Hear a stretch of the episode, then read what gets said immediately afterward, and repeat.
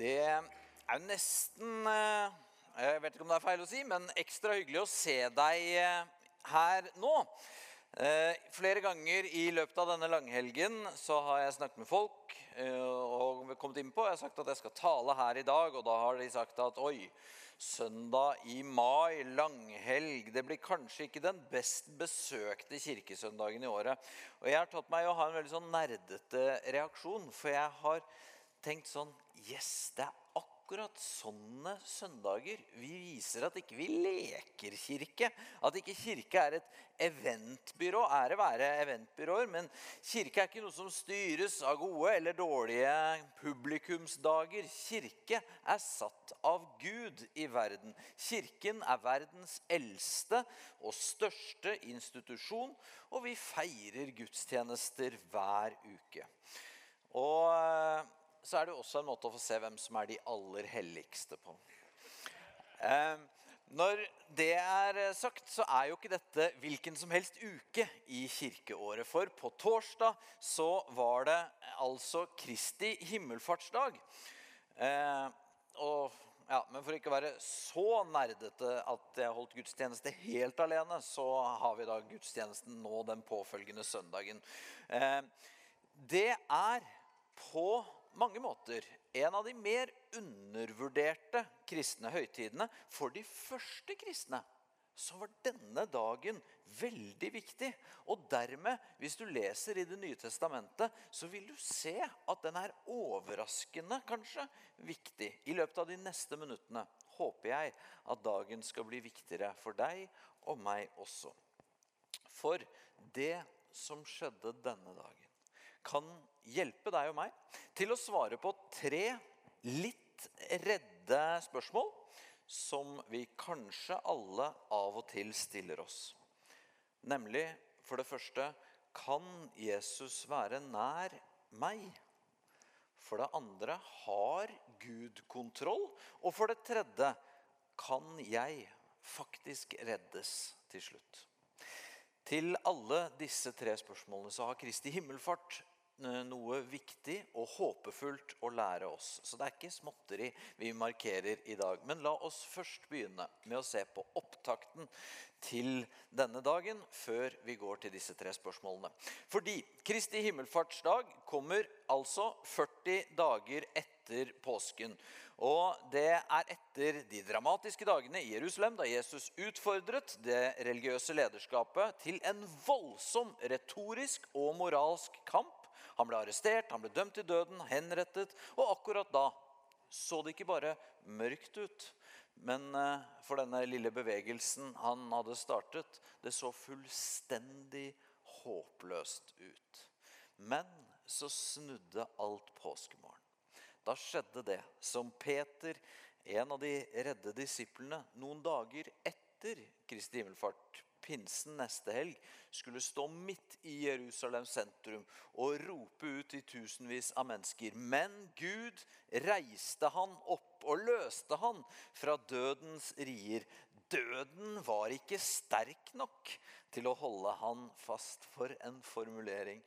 Så fra påskemorgen og til Kristi himmelfart i dag, eller denne uken, så var det noen utrolige uker i Jerusalem.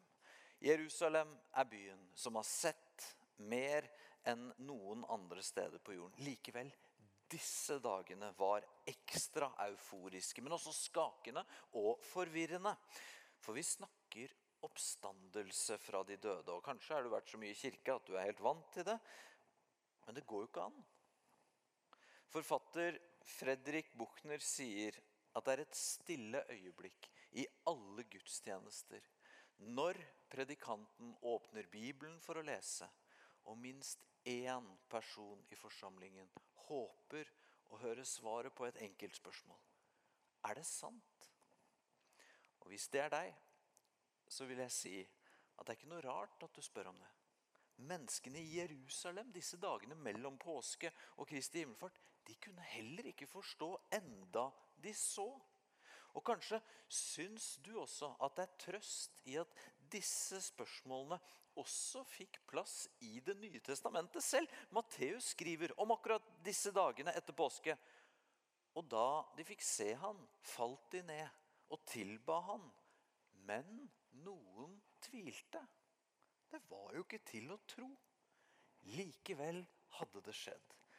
Og så må vi huske Jesus var disse dagene i sin oppstandelseskropp. Og den var annerledes enn kroppene til menneskene Jesus hadde vekket tilbake til livet tidligere. For de Jesus hadde vekket opp tidligere, de var jo fortsatt i sine dødelige kropper. Lasarus, f.eks., som Jesus hadde vekket opp, han døde jo igjen senere. Mens Jesus disse dagene etter påske han kunne gå gjennom dører, han kunne komme og forsvinne. Samtidig som han spiste med folk, og de fikk ta på han. Så han var absolutt fysisk levende, men i en form for det neste livet. Og Med det så kommer vi til det første spørsmålet redde mennesker som deg og meg kan stille. Nemlig kan Jesus være nær meg?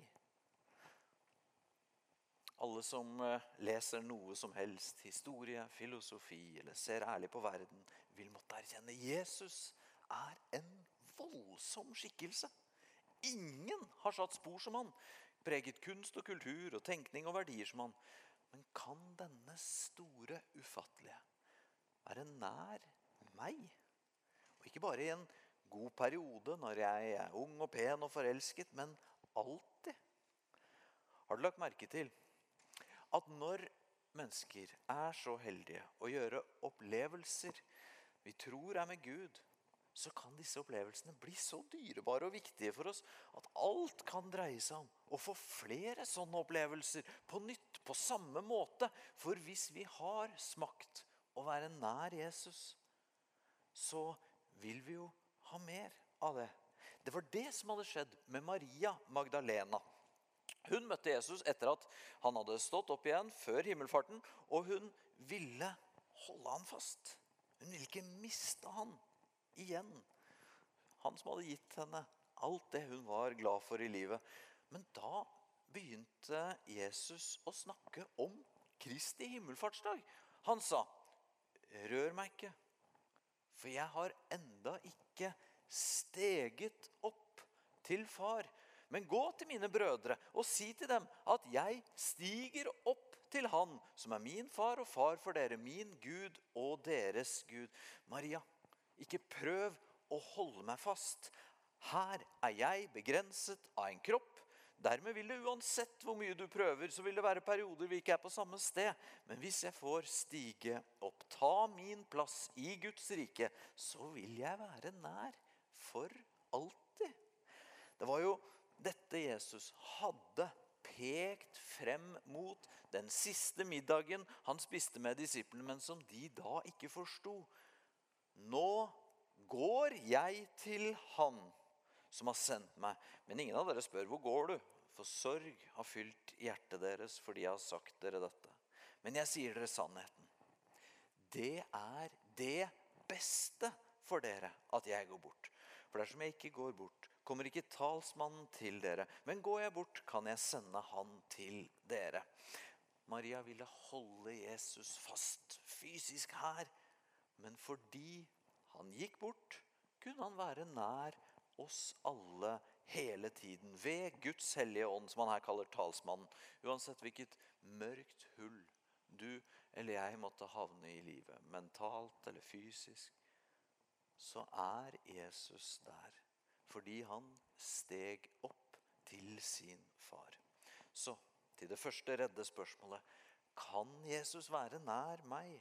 Jeg bor ikke i Israel for 2000 år siden. Jeg er ikke alltid sikker, sterk og skikkelig som de andre kristne. Så er svaret ja. For Jesus har steget opp og gitt oss sin ånd, som er overalt, alltid. Ok, men har Gud kontroll, da? Egentlig? Det er eh, lett å tenke. Fordi det skjer så mye som ikke er Guds vilje. At Gud er svak, at Gud ikke bryr seg, eller at Gud ikke fins. Og det vil være mye med lidelse i livet som vi ikke forstår, og som jeg ikke kan adressere nå. Men jeg vil likevel i kraft av og lys av denne dagen stille det spørsmålet og si at når vi spør om Guds kontroll, så ser vi fra vårt eget lille punkt i universet og i tiden. La oss et øyeblikk gjøre et tankeeksperiment og leke med tanken at vårt lille punkt i universet er den lille byen Dotan i Israel. Som du kanskje ikke har hørt om, men fins ikke lenger. Men hvis vi hadde sittet i Dotan og stilt oss spørsmålet om Gud har kontroll, så ville vi hatt flaks hvis vi var der akkurat den dagen da profeten Elisha var i Dotan og var omringet av en stor hær arameiske soldater som ville ta han. Og Elisha så ut til å være ille ute. Men så hadde Gud kontroll. For Gud viste den dagen i Dotan at det sto en enda mye større hær av engler rundt arameerkrigerne. Så Gud hadde kontroll. Huh, for en lettelse. Men så er det bare det at hvis vi hadde sittet i Dotan noen århundrer tidligere, så kunne det hende vi var der akkurat den dagen da den unge Josef kom til stede og ble kastet i en brønn akkurat der av brødrene sine. Og da kunne vi sittet i Dotan og hørt at Josef ba og tryglet Gud fra brønnen om å ta kontroll, om å gripe inn og redde han. Men den dagen i Dotan så ville ikke vi sett noen redning komme. Tvert imot.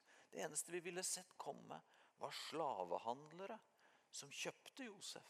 Og hadde vi forlatt Dotan og fulgt etter Josef for å se hvordan det gikk, så ville vi se at det lå tiår med slavearbeid og fengsel og alle slags problemer foran han. Så vi hadde virkelig måttet se langt, langt utenfor Dotan hvis vi skulle skjønne at Gud hadde kontroll og en mye større plan rundt livet til Josef. Så Et aspekt ved spørsmålet om Gud har kontroll, er at vi må huske at vi oftest stiller det spørsmålet fra Dotan. Vi spør fra vårt lille sted og øyeblikket akkurat nå.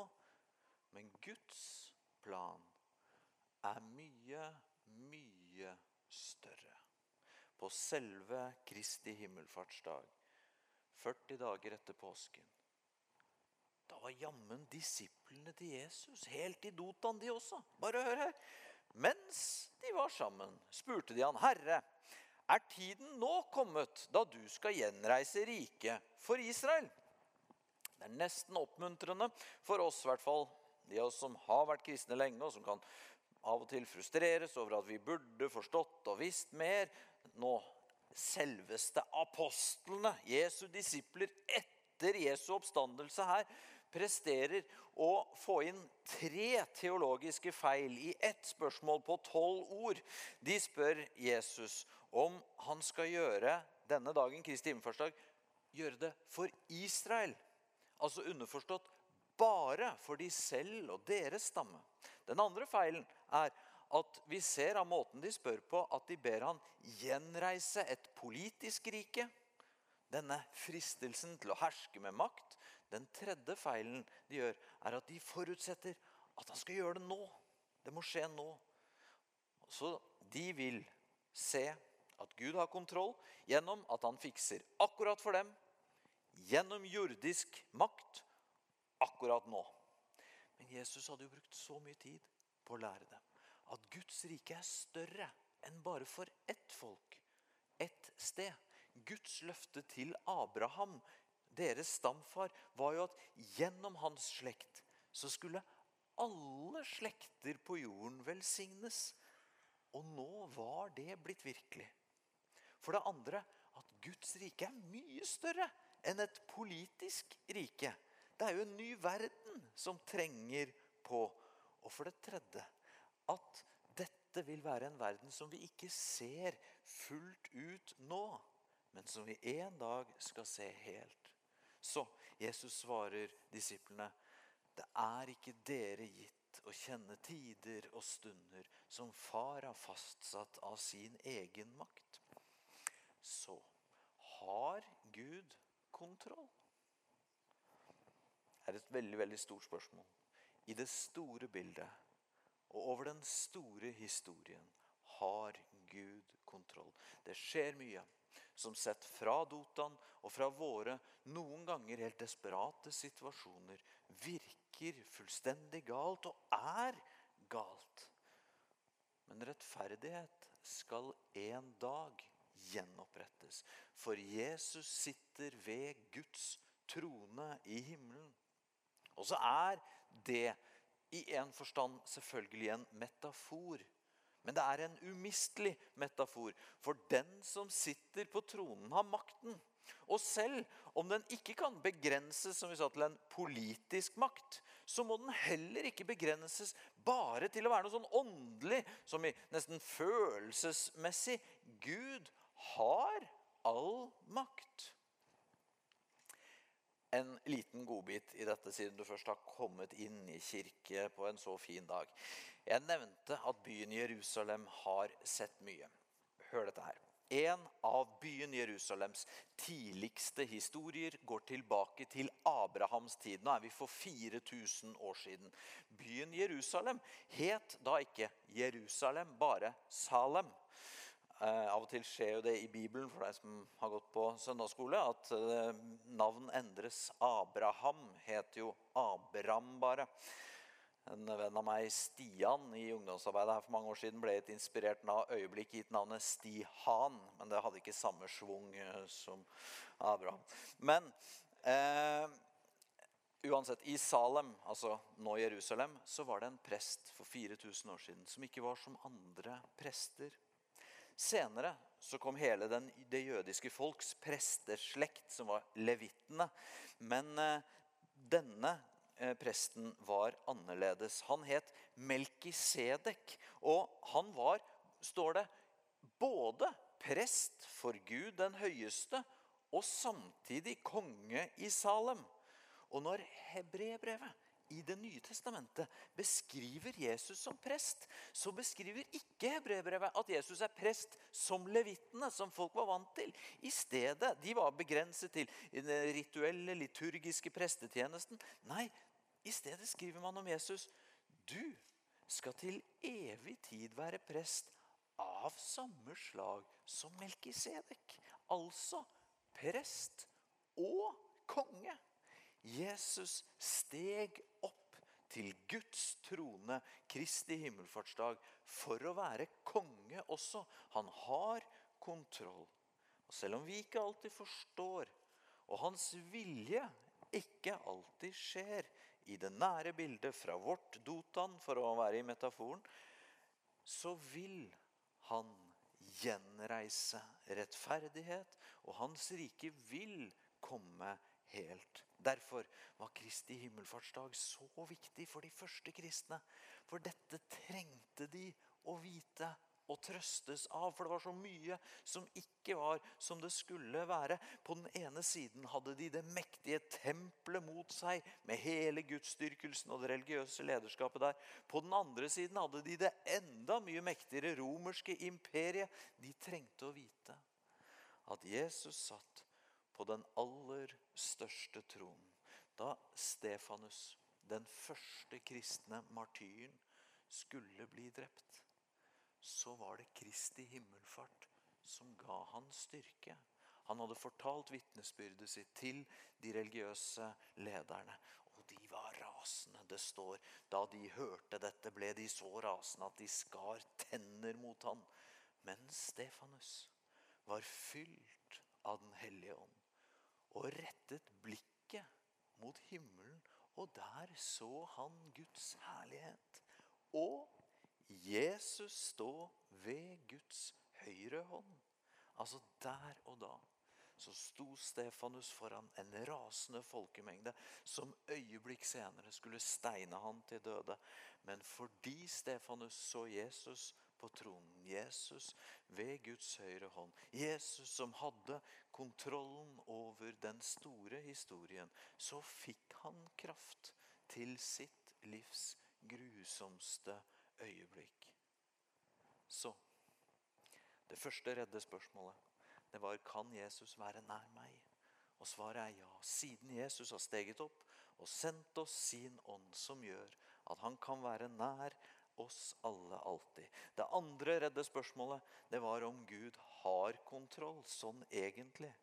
Og svaret er at siden Jesus sitter ved Guds høyre hånd og er både prest og konge, så har han kontroll til slutt. Ikke alltid sett fra vårt behov i øyeblikket, men til slutt vil vi alle få se det Stefanus fikk se. Det tredje litt fryktsomme spørsmålet som eh, vi kan stille, er om jeg, når alt kommer til alt, kan reddes. En ting jeg syns har vært litt rart med å bli godt voksen, det er at jeg trodde lenge eh, Kanskje du syns jeg er teit, men i hvert fall sånn underbevisst at jeg snart skulle komme frem. Når jeg bare fikk lest litt mer, forstått litt mer, når jeg bare fikk litt bedre råd, litt mer kontroll over tiden min, når jeg bare fikk velge å ordne akkurat som jeg ville da, da ville jeg komme i mål. Eh, ikke hør meg feil. Jeg ser på meg selv som veldig heldig, og på mange måter har jeg helt det livet jeg hadde ønsket meg. Men til min overraskelse så ble jeg samtidig skjørere enn jeg var før. Jeg fikk flere netter jeg syntes det var vanskelig å sovne. Jeg ble mer såret av ting folk sa til meg. Jeg syntes det var tyngre å bære når folk jeg så opp til, skuffet meg. Jeg vet ikke om du kjenner deg igjen i det, men hvis du gjør det, hvordan håndterer vi dette? Hvis, hvis mine anstrengelser, min kunnskap, min utvikling, mine forbilder Hvis ikke de kan gi meg den kraften jeg trenger for å komme i mål, for å fullføre et godt liv, hvor kan jeg da finne den kraften? Kan jeg reddes? La oss lese videre om Kristi himmelfartsdag. Etter at disiplene har spurt Jesus dette spørsmålet om å ta den politiske makten over staten Israel, og Jesus har avvist spørsmålet, så fortsatte han. Men dere skal få kraft når Den hellige ånd kommer over dere og skal være mine vitner i Jerusalem, hele Judea, i Samaria og helt til jordens ende. Så skjer det endelig, som har gitt navnet til denne høytiden, som de første kristne altså var så opptatt av. Det står videre. Da han hadde sagt dette, ble han løftet opp mens de så på, og en sky tok han bort foran øynene deres. Ikke sånn er det at han for opp som en rakett. For Guds rike er jo egentlig ikke oppover sånn geografisk. Det er utenfor. Det er høyere, det er vakrere, det er mer fullkomment enn denne verden. Så poenget var at Jesus ble opphøyet, og en sky tok han bort. Å få et glimt inn i akkurat denne overgangen mellom denne verden og Guds rike før Guds rike kommer helt til denne verden, det var jo selvfølgelig en munnfull å svelge. Derfor står det videre. Som de nå stirret opp mot himmelen mens han dro bort, sto med ett to menn i hvite klær foran dem og sa, Galileere, hvorfor står dere og ser mot himmelen? Denne Jesus som ble tatt bort fra dere opp til himmelen, han skal komme igjen på samme måte som dere har sett han fare opp til himmelen. Det er litt morsomt synes jeg, at englene sier 'galileere', for det betyr det jo på den tiden nordlendinger. Galilea nord i Israel. Hvorfor står dere og ser mot himmelen?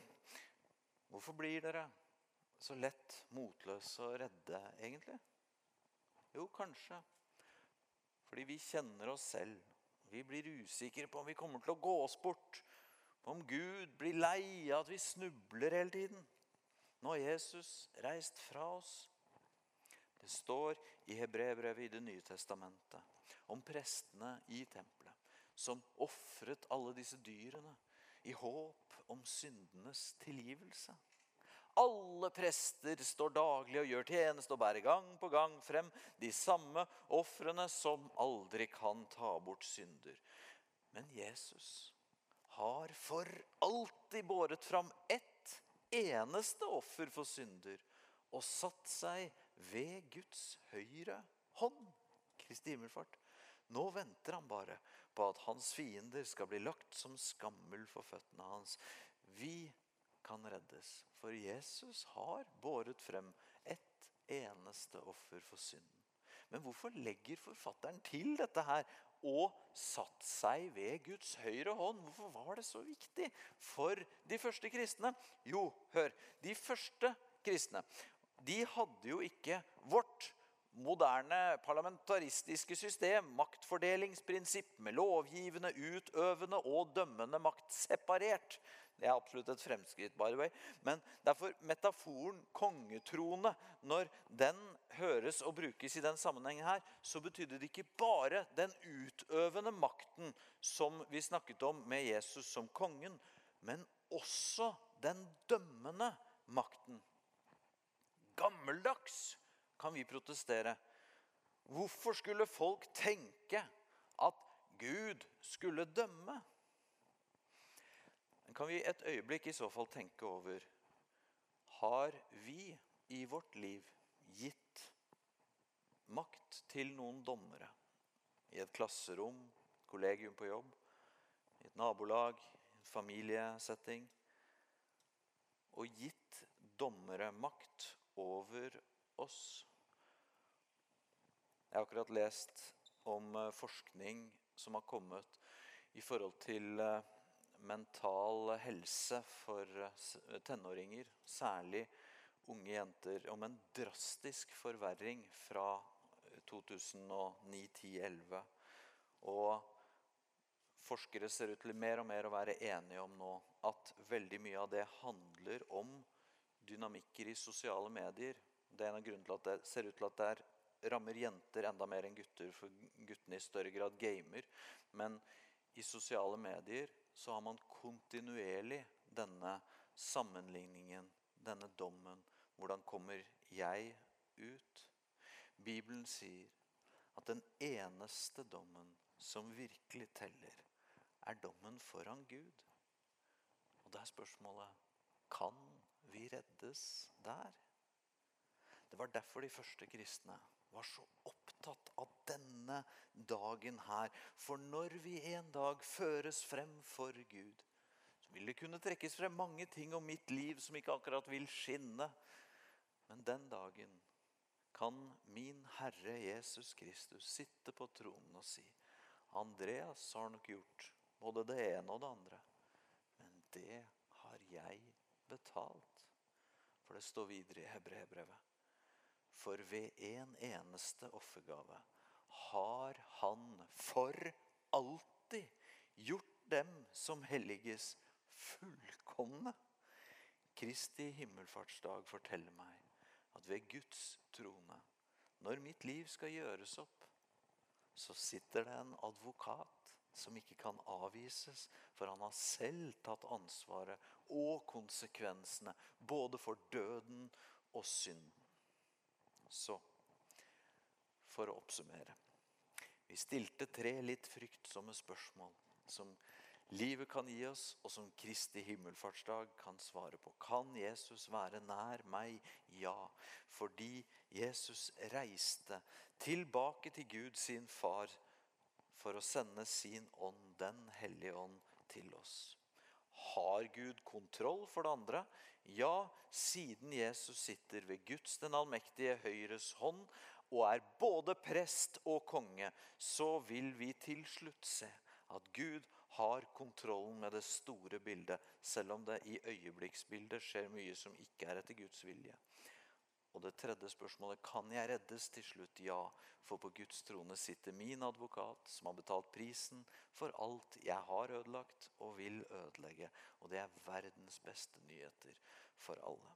Så Kristi himmelfart, det er ikke bare en inneklemt høytidsdag i mai. Selv om det er flere kristne på sjøen enn i kirken i dag, skal vi be sammen. Jesus Kristus. Tusen takk for at eh, du sendte din ånd eh, når du steg opp. Og takk for at vi får være nær deg. Eh, nå ber jeg om at eh, du må stige opp på tronen i hjertene våre. sånn at livet vårt får formes ut ifra innsikten i dette. Tusen takk for det håpefulle i at du sitter på tronen, Jesus. Og at eh, du er historiens herre. Og at eh, vi kan få overgi våre liv i dine hender. Du har nå hørt en podkast fra Filadelfia-kirken i Oslo. Vil du vite mer om oss, gå inn på filadelfia.no. Og ikke minst velkommen til å feire gudstjenester med oss hver eneste søndag, enten fysisk eller online.